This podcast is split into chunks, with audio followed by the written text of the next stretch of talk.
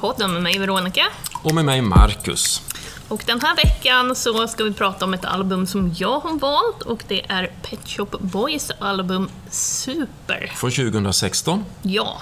Ett band som kom till på 80-talet. Ja, de har ju varit med ett ganska långt tag. De träffades och skapade bandet ganska snart 1981. Men sen tog det ett tag också innan de fick sitt genombrott. Det var först 1986 som Pet Shop Boys slog igenom. Och då var det med låtar som West End Girls och Suburbia. Eh, låtar som man hade släppt precis innan också, men inte fått någon hit med. vart ingen uppståndelse kring det. Men sen bytte man väl producent och sen var plötsligt vart det världshits. Ja, Och sen dess kan man ju säga att Pet Shop Boys i allra högsta grad lever. Ja, men deras storhetstid var ju under 80-talet och början av 90-talet. Det var ju då de liksom var stora, men deras två första album är ju imponerande storheter, alltså de är ju så enormt bra. Ja, det måste man säga. Sen är det spännande med Pet Shop Boys som då, eh, vi ska genremässigt säga också att det är syntpop från början. Och idag skulle vi kanske kalla mer elektropop eller artpop. Vi, vi återkommer till det va? Ja, Ja, men Ehm, de blev jättestora, släppte de här första albumen eh, och sen ehm, försvann de lite bort och sen så har de gjort nya album och nu kom vi till Super 2016. Men jag skulle säga att några av deras allra största hits, det är ju inte deras egna låtar. Nej, och det är också en sån här grej. Eh, jag, jag har generellt jättesvårt för covers. Men Pet Shop Boys är ett av de få banden som lyckas göra covers till sina egna. Säg en bra cover med Pet Shop Boys. Go West. Men den som... Den största all- däremot, mm, ja, mm, ja, den heter ju... Det är ju en Elvis, en gammal Elvis-låt. precis. Och den är nästan mer känd i Pet Shop Boys Ja, you are always on my mind. Och så kommer de här syntblipparna. Men den är ju faktiskt, om man nu gillar syntar måste man ju lägga till, annars kan man ju stänga av nu nästan. Men gillar gillar man syntar och programmerad musik, ja, då är den ju, den är ju mästerlig. Temat för vår albumpodd nu är, De underskattade albumen. just det, eller album som inte riktigt har slagit helt enkelt då. Ja. Ja, Och Pet Shop Boys, som jag sa tidigare, deras storhetstid var ju fram till någon gång början av mi- mitten av 90-talet. Pet Shop Boys har alltid varit ganska före och provat på saker som ingen annan har gjort, vilket Kollar vi tillbaka i backspegeln så är det ju mycket som är ja, men, udda och konstigt. Där I slutet av 90-talet så använder de till exempel av ja, men, green screen och liknande innan den tekniken riktigt var utvecklad. Eh, massa konstiga utklädnader. Ja, men det var mycket extremt. Ja, nu är det scenmässigt där, men också deras videos. Ja. Musikvideos. Och eh, de vart ju väldigt populära och spelade på MTV som, som var eh, nytt på 80-talet. Där Ja, på fick- den tiden. ja. Men sen i slutet av 90-talet så blev det ju det blev lite mer tvärtom. Mm. Deras musikvideos blev ju så extrema att de inte blev spelade istället. Men eh, man skulle kunna säga att det, det här ligger någonting i, i, i just genren art pop. Mm. Att det är konstnärligt. Alltså de, de speglar ju sin musik i någon slags ironi ibland också och i någon känsla av någonting. Från, liksom, från sin storhetstid så tycker jag att de har varit ganska underskattade länge och en del i det tror jag också är det här som ofta dyker upp i musikvärlden, att när du har varit med ett tag så blir du mindre intressant. Samt någonting de också själva har nämnt är just den här åldersdiskrimineringen som finns inom musik och då vissa musikgenrer där syntmusik kanske mer är liksom ungdomens musik. Och när du pratar ålder så var det så att Pet Shop Boys-killarna eh, som heter Neil Tennant och Chris Lowe.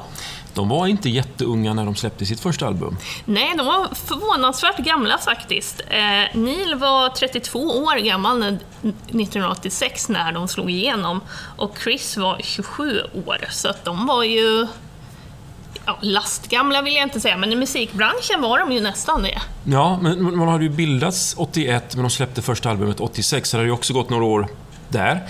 Ehm, vad hade de lyssnat på då? Vad var de inspirerade av? Vi snackar ju i mitten av 80-talet och syntpop. Jag tänker ju direkt på Pet Shop Boys, Howard Jones, och så vidare. Vad, vad, känner du till någonting om deras största influenser? Jag vet inte, jag tror inte att de hade så mycket nutids eller dåtidsinfluenser faktiskt. De hade ju ett jätteintresse av syntar och programmering Ja. och de träffades på det sättet. ja, de träffades i en eh, musikaffär, gjorde de faktiskt. Mm. Och började omedelbart prata om just syntar och musik och be- bestämde sig för att vi, klart vi ska bilda ett band. Sen hade de ju några polare som jobbade i en djuraffär. Ja, och det var därifrån de tog namnet. Och det, så här, I efterhand, jag vet att de har frågats om det i intervjuer och man skrattar lite så, men de har ju också lite det här som många andra band som har ordet boys i sig. Så kommer man ju till en viss ålder där de i bandet inte längre är boys. Jaha, just det. Just det. Ehm, och när, när är man inte boys? Ja, det är ju en fråga. Var de boys när de var 32-27? Ah, tveksamt. Eh, de, kanske borde heta Pet Shop eh, Guys. Oldies. Ja, Ja. precis. Ja. Nej, men de har ju inte heller varit, om man jämför många såna andra boys band och såna, så har ju de aldrig varit... De har aldrig varit the cool kids liksom. Nej. Men de har inte försökt vara det heller. Nej, de har aldrig... De har sagt det, att de visste liksom att de kommer aldrig vara det och då är det ingen idé att försöka sig på det. Men de har ju också ett väldigt intressant... Vad ska man säga? Som de är på scen är de ju också väldigt speciella. Eh, Ja, men det är de även i intervjuer och Ja. överallt man ser dem i tidningar. Alltså, Ja, bilder och det mesta liksom. Mm, att, eh, Neil är ju den som sjunger, så han är ju tvungen att vara liksom längst fram på scen, men det är inte så mycket annat han gör. ja, han Det- pratar ju i intervjuer, det gör ju inte den andra. Ja, Chris är ju extremt tystlåten. På scen så står han ju bakom sin synt, rör sig ingenting och har solglasögon på sig. Mm. Och hatt. Ja. Ibland. Men om vi kommer tillbaka till det här med att man kallar dem för art pop, det är också någonting de har ver- verkligen använt sig av i sina livekonserter. De har ju använt sig av mycket, ja men dels mycket teknik, men också att de har bygger upp som en story, de tar in, alltså det är väldigt mycket dansare och rekvisita som används också under deras konserter. Det, jag tänker att ibland är det ett enda party. Ja, men lite, ja, lite så förutom att Neil och Chris inte Ja, de är anti-party, Ja, fast de vill typ. vara partykungarna då, tror jag. De vill stå där, fast de har inget behov av att synas egentligen. Nej, De har inget större behov av att låta och synas, men finnas där och stå mitt i hela festen. Fantastiskt. Det låter som min katt.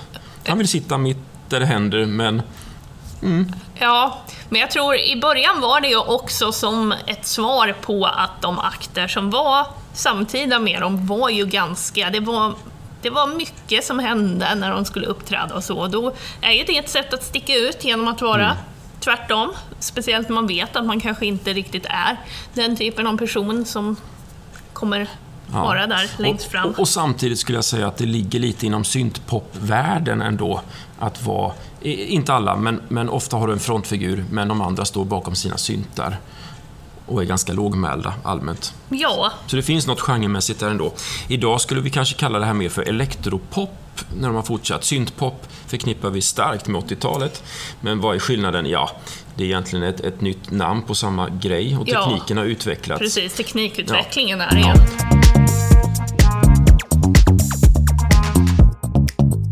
De skriver ju otroligt bra musik, gör de. Ja. Men även texterna får man inte glömma. Neil är ju en otrolig textförfattare. Han drar också mycket paralleller, drar in nutid, mycket även historiska paralleller drar in. Han är ju ganska påläst när Men vad handlar det om då? Är det krigslag eller? Alltså de har ju haft allt möjligt i sina texter. Ja, men inte så jättemycket krigslag. Nej, inte så mycket krigslag, men alltså det är, ibland så kommer det lite referenser till gamla personer i historien och så Ja, vidare. jag tänker att det handlar mycket om kärlek på olika sätt, eh, om eh, orättvisor i samhället och... Ja, och skrivet på både ett väldigt ärligt sätt men också på ironiska sätt. Eh, mycket av deras musik är liksom på 80-tal, början av 90-tal, där behandlade ju aids-epidemin till exempel. Som de levde väldigt nära. Neil är ju öppet homosexuell. Eh, och då förstår man ju, och hela liksom... Den musikgenren drog, drog ju till sig liksom. Det var ju synt, disco. Det Ja. var ju lite gay-genren där. Ja, för, för den här musiken Pet Shop Boys gör och har alltid gjort, den passar väldigt bra in på dansgolvet helt enkelt. Ja. Ja. Så när vi pratat om genre så har vi droppat art, pop, syntpop och elektropop. Och det här ligger också inom då dance eller EDM till, till, till sin del också. Och allt det här är ju namn för typ samma sak. Musik man kan dansa till. Sen har ju Pet Shop Boys fantastiska ballader, eh, lugna sköna låtar eh, och även musik med väldigt lite text i. Så det finns eh, olika typ av elektro i Pet Shop Boys. Ja, ska vi också säga det att eh, Pet Shop Boys är ju ett av Englands största band, eller duo genom tiderna. Ja, de är otroligt stora. Eh, De har ju hela... Ska vi se, vad är det? 39 stycken topp 40-singlar. Och det, de räknas som Storbritanniens eh, mest framgångsrika duo. Ja, genom alla tider. Så du som inte har hört talas om Pet Shop Boys men sitter och lyssnar på det här nu, ja, du måste ju lyssna på Pet Shop Boys någon gång, så du bara ger dig in i arkivet. Ja. Och var börjar man någonstans då? Ja, men jag tycker nog att man ska börja med deras första album, Ja, Please. men då kanske det är lite mossigt.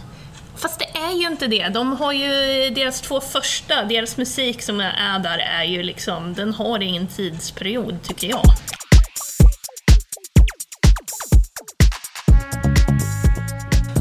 Går över då och pratar specifikt om det här albumet Super då.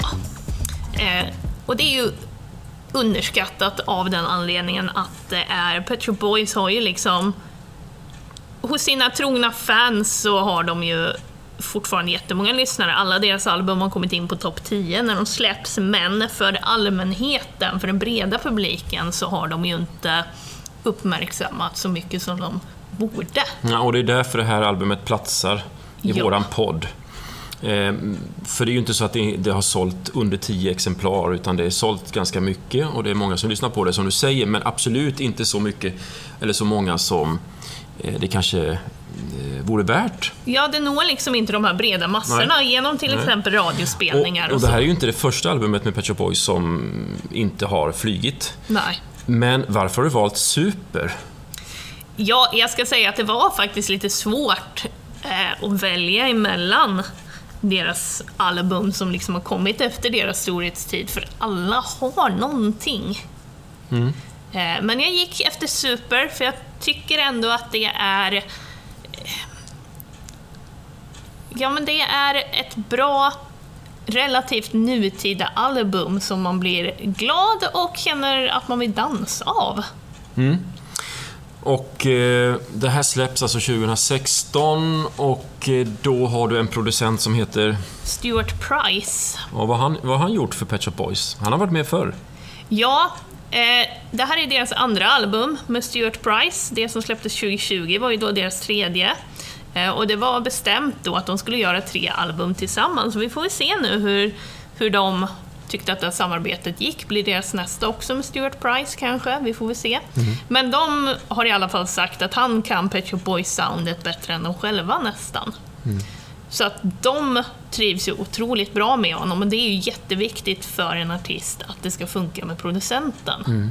Stuart Price är ju inte... Han har jobbat med en hel del artister inom bland annat eh, ja, men elektropop och pop och däromkring. Han var med och producerade Madonnas album Confession on a Dance Floor 2005 till exempel.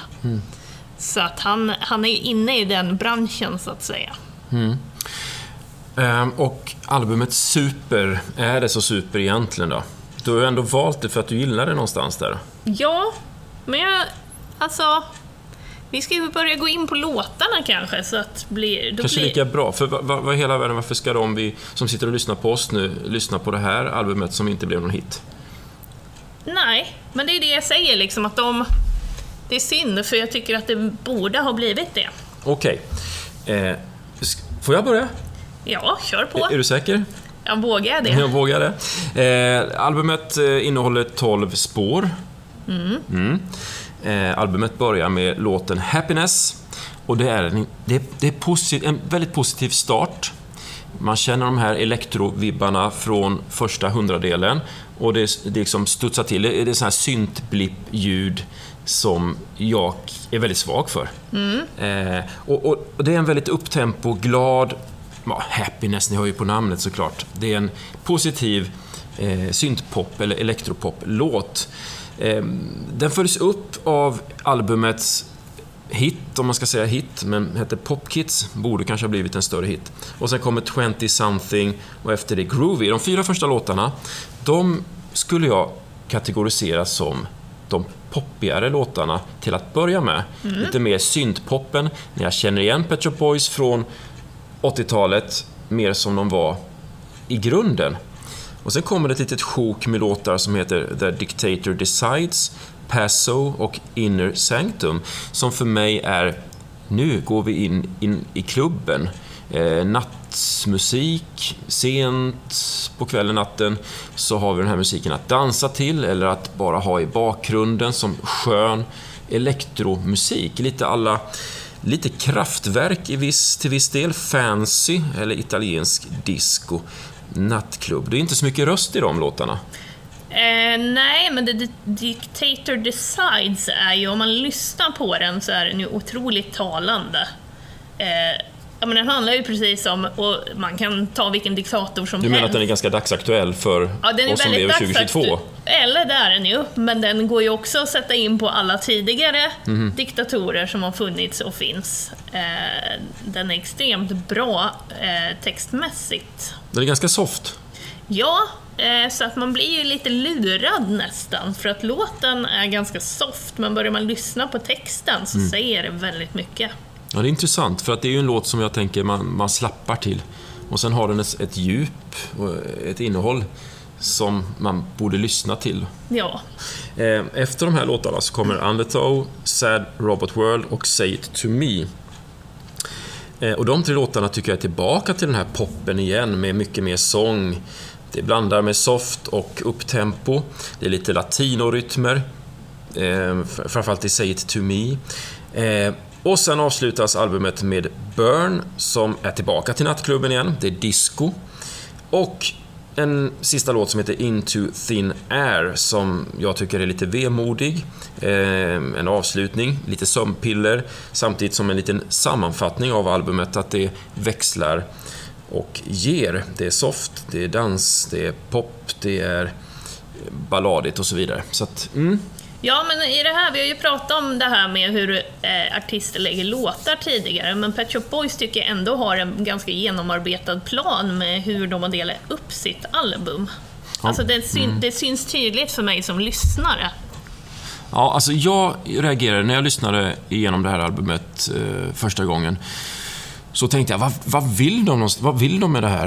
Eh, det, det, det jag var ute lite grann efter när jag drog igenom alla de här, hela låtlistan, det var att det, det är som uppdelat. Först är det mm, en viss kategori av låtar med mer sång och mer, mer poppigt och sen kommer de här som är mer elektro, lite mer experimentella och sen lite nattklubb då som jag säger och sen så kommer det tillbaka till lite poppigt och så. Det blandar väldigt mycket så jag blir lite så osäker på dem. Vad är de ute efter? Vart vill de? Vart, vart ska de någonstans? Ja, men det är inte säkert de vill någonstans. När du tänker så. Nej, men behöver, alltså, det är väl precis som många andra album vi har pratat om, att det behöver ju inte vara någon extrem spikrak väg framåt. Här tycker jag ändå att man kan... Alltså jag tycker det är viktigt att uppmärksamma det här med att de har ju ändå sorterat upp albumet i, vad ska man säga, delar. De har ju inte blandat hur som helst. Nej, det, så är det säkert. Men jag är lite nyfiken på hur de tänkte ändå. För det är ehm, en blandning av, av, av mycket och ändå samtidigt elektro, såklart då, som genomsyrar allting.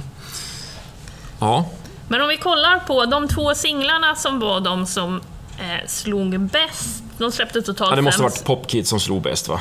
Ja, det är en av dem. De We släppte are the Pop Kids. Du, du, du, du. De släppte, fem singlar. Pop Kids var en av dem som gick bra för. Ja.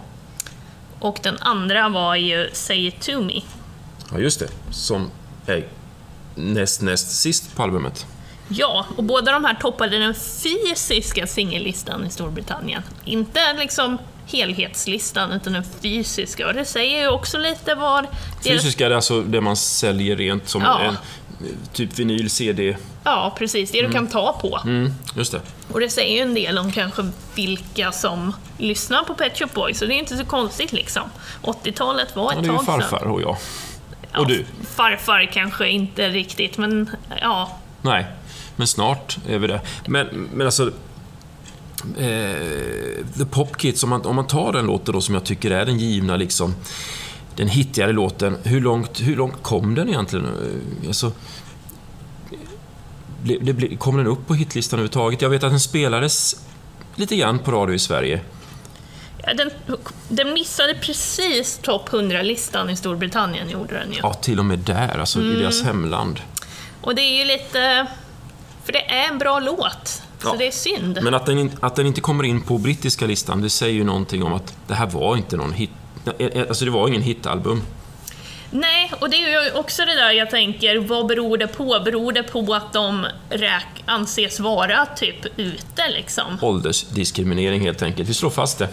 Stackars gubbar. Nej men det behöver inte vara det, men det är just det här tappade intresset för band alltså man har hört det bästa ifrån dem och då... Mm. Ja. All, alla, alla stationer, alla radiostationer, media väljer ut vilka, vilka, vad, vad man ska promota, vad man ska Ja. lyfta fram och det är klart att då ska Pet Shop Boys komma med något riktigt, riktigt bra nu och den är inte lätt. Nej, Även om vi kan tycka att det här är riktigt, riktigt bra men det är också... så hjälper inte det. Nej, men de fallet. kan ju komma med något riktigt bra, men det spelar inte så Nej. stor roll, för det går inte att komma ifrån det här promotion från till exempel skivbolag och ålder och sådana grejer spelar in. Så, så, så är det.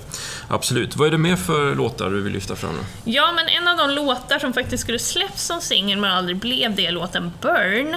Ja, Burn. Och Näst sist. Ja, och anledningen till att den aldrig blev släppt som singel var att de ändrade det då det skedde en tragisk brand på ett raveparty i Kalifornien strax, ja, ett tag innan singeln skulle släppas, då det dog 36 personer. Och då funkar kanske inte textraden “We're gonna burn this disco down” så bra. Ja, det var smart att de backade undan den då. Ja, Men annars är det en bra låt. Eh, vad var det mer för singlar?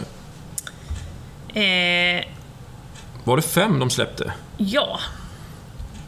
Ja, Burn, nej, Burn blev ju inte då, men ehm, Pop Kids, Say It To Me. Var det Undertow? Nej, den släpptes, Den släpptes eh, aldrig, men, aldrig. men du gillar den? Ja, jag gillar den verkligen. Eh, ja, men den har, den har lite mer skönt basgung än de andra, tycker jag. Mm. Och det är också den enda låten där det faktiskt finns någon mer än Neil Tennant som sjunger. Mhm, vem är det? Det finns en eh, tjej som körar i bakgrunden, ingen känd person. Nej, nej, så, nej. Men, bara att det finns en röst till. Ja, Ja. precis. Det kan man hetsa upp sig på. Ehm, jag tror att 20 something, låt 3, var en singel. Men det spelar kanske ingen roll nu, eh, utan... Ja, eller Undertow var nog faktiskt en singel tror jag, men den är också så här om de två stora singlarna knappt slog så Mm. Nej. hamnar ju den Nej. långt. Nej, vi, vi kan lämna det helt, för Ja. det är liksom... Ja, tjena. Eh, sen tycker jag ju att eh, jag är lite svag för Sad Robot World. Den är, den är väldigt soft, väldigt, det är en ballad. Eh, men för mig är den lite sådär... ja, Du sa ju det, solnedgång va?